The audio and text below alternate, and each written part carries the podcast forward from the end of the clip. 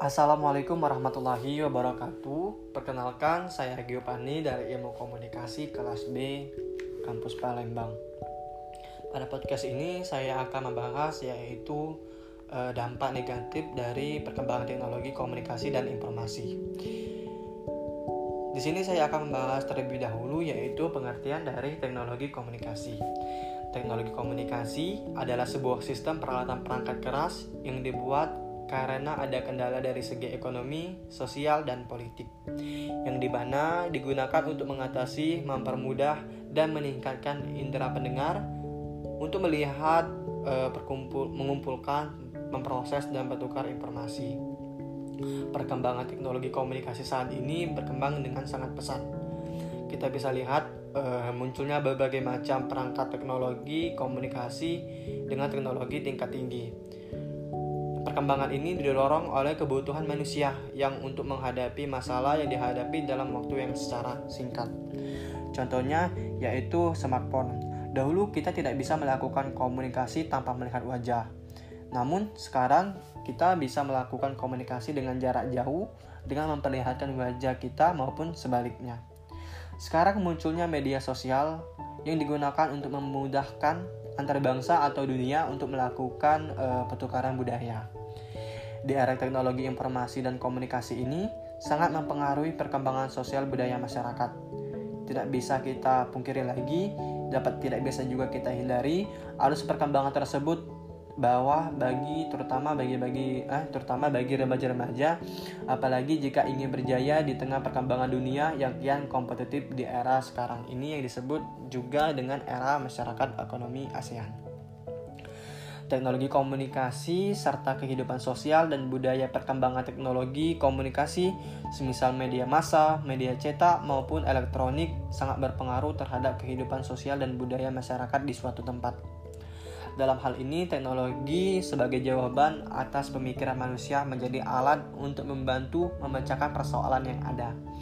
Teknologi diharapkan untuk dapat menjadi fasilitator dan interpreter interpreter. Namun, eh, tidak dapat dipungkiri bahwa perubahan dan perkembangan teknologi akan berdampak pada kehidupan sosial yang ada sehingga mempengaruhi aspek yang lebih besar lagi yakni kebudayaan. Beberapa dampak nyata dari keberadaan serta perkembangan teknologi tersebut uh, ada beberapa poin yaitu adalah tiga. Yang pertama yaitu perubahan sistem nilai dan norma. Perubahan tidak dapat luput dari dua sifat yaitu konstruktif dan destruktif. Seiring dengan perkembangannya teknologi serta pemanfaatannya, perubahan sistem dan norma pun tidak dapat dielakkan. Perubahan konstruktif, eh, konstruktif maksudnya terjadi apabila pemanfaatan teknologi digunakan untuk hal baik, bersifat profesional dan berintegritas. Artinya bahwa perkembangan teknologi telah membawa kehidupan manusia ke arah yang lebih baik dan membangun. Namun, cukup disayangkan ya bahwa e, kondisi seperti ini sebagian besar hanya terjadi di negara maju dengan tingkat kepemahaman dan tingkat pendidikan yang cukup tinggi rata-rata dari masyarakat tersebut. E, perubahan destruktif destruktif ini terjadi apabila pemanfaatan teknologi yang memberikan segala kemudahan telah sampai pada penyalahgunaannya. Hal ini terjadi di negara berkembang dengan tingkat pemahaman dan pendidikan masyarakat yang rendah pula.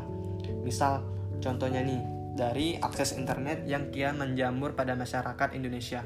Belum cukup membawa sebagian besar masyarakatnya pada kecerdasan intelektual. Malah, yang kita dapat apa? Yang kita dapat yaitu kerap terjadinya adalah penyalahgunaan fasilitas e, seperti pengaksesan situs yang berbau pornografi atau pemakaian situs pem, e, permainan judi seperti poker dan lain-lain sebagainya.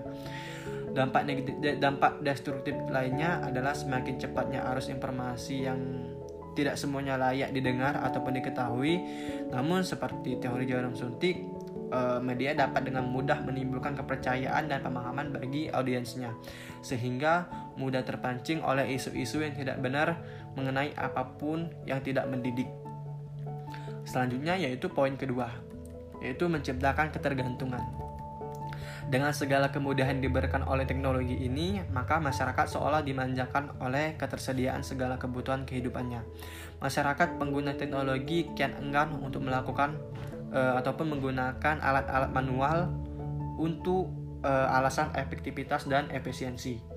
Masyarakat semakin sulit untuk melepaskan diri dari serba kecanggihan teknologi dan hal ini akan terus berlangsung dalam waktu yang lama membawa masyarakat juga bahwa e, membawa masyarakat ketergantungan pada pemanfaatan teknologi. Sesuatu yang berlangsung lama inilah yang menyebabkan perubahan e, kebudayaan pada suatu masyarakat. Ketergantungan yang lain menyangkut teknologi pada gaya hidup dan e, prestis seorang jika tidak dimanfaatkan teknologi, maka seseorang akan dianggap kekurangan kualitas dalam kehidupan sosial. Misalnya adalah kegunaan jaring sosial ataupun situs pertemanan melalui media internet yang sering dilakukan yang disering di apa namanya yang sering dijadikan oleh tolak ukur uh, eksistensi seorang dan uh, sekali memasuki situs jaring sosial tersebut akan mustahil bagi hampir seluruh pengunjungnya untuk tidak mengunjungi situs itu lagi. Nah, yang terakhir yaitu e, menciptakan kolonialisme. Kesenjangan anta, kesenjangan akan selalu ada di muka bumi ini dan begitu pun kesenjangan arus informasi yang ada. Munculnya teknologi komunikasi menyebabkan arus informasi dari negara maju ke negara berkembang adalah tidak seimbang. Ketidakseimbangan ini menyebabkan masyarakat negara tertentu lebih banyak mengkonsumsi informasi dari negara maju. Sehingga memungkinkan munculnya kolonialisasi kolonialisasi yang dimaksud sini yaitu bukanlah uh, taktik imperialisme dalam melakukan penaklukan negara bukan melainkan akuisisi lain melainkan berupa penjelajahan melalui arus uh, informasi mungkin itu saja ya dari poin-poin yang dapat uh, saya jelaskan semoga dari pemahaman ini kita bersama-sama dapat memetik dan dapat uh, melakukan dapat menarik kesimpulan bahwa beberapa dapat dari tadi dapat merugikan uh, diri kita sendiri dan negara. Mungkin itu saja dapat saya sampaikan. Saya akhiri dengan ucapan Wassalamualaikum warahmatullahi wabarakatuh.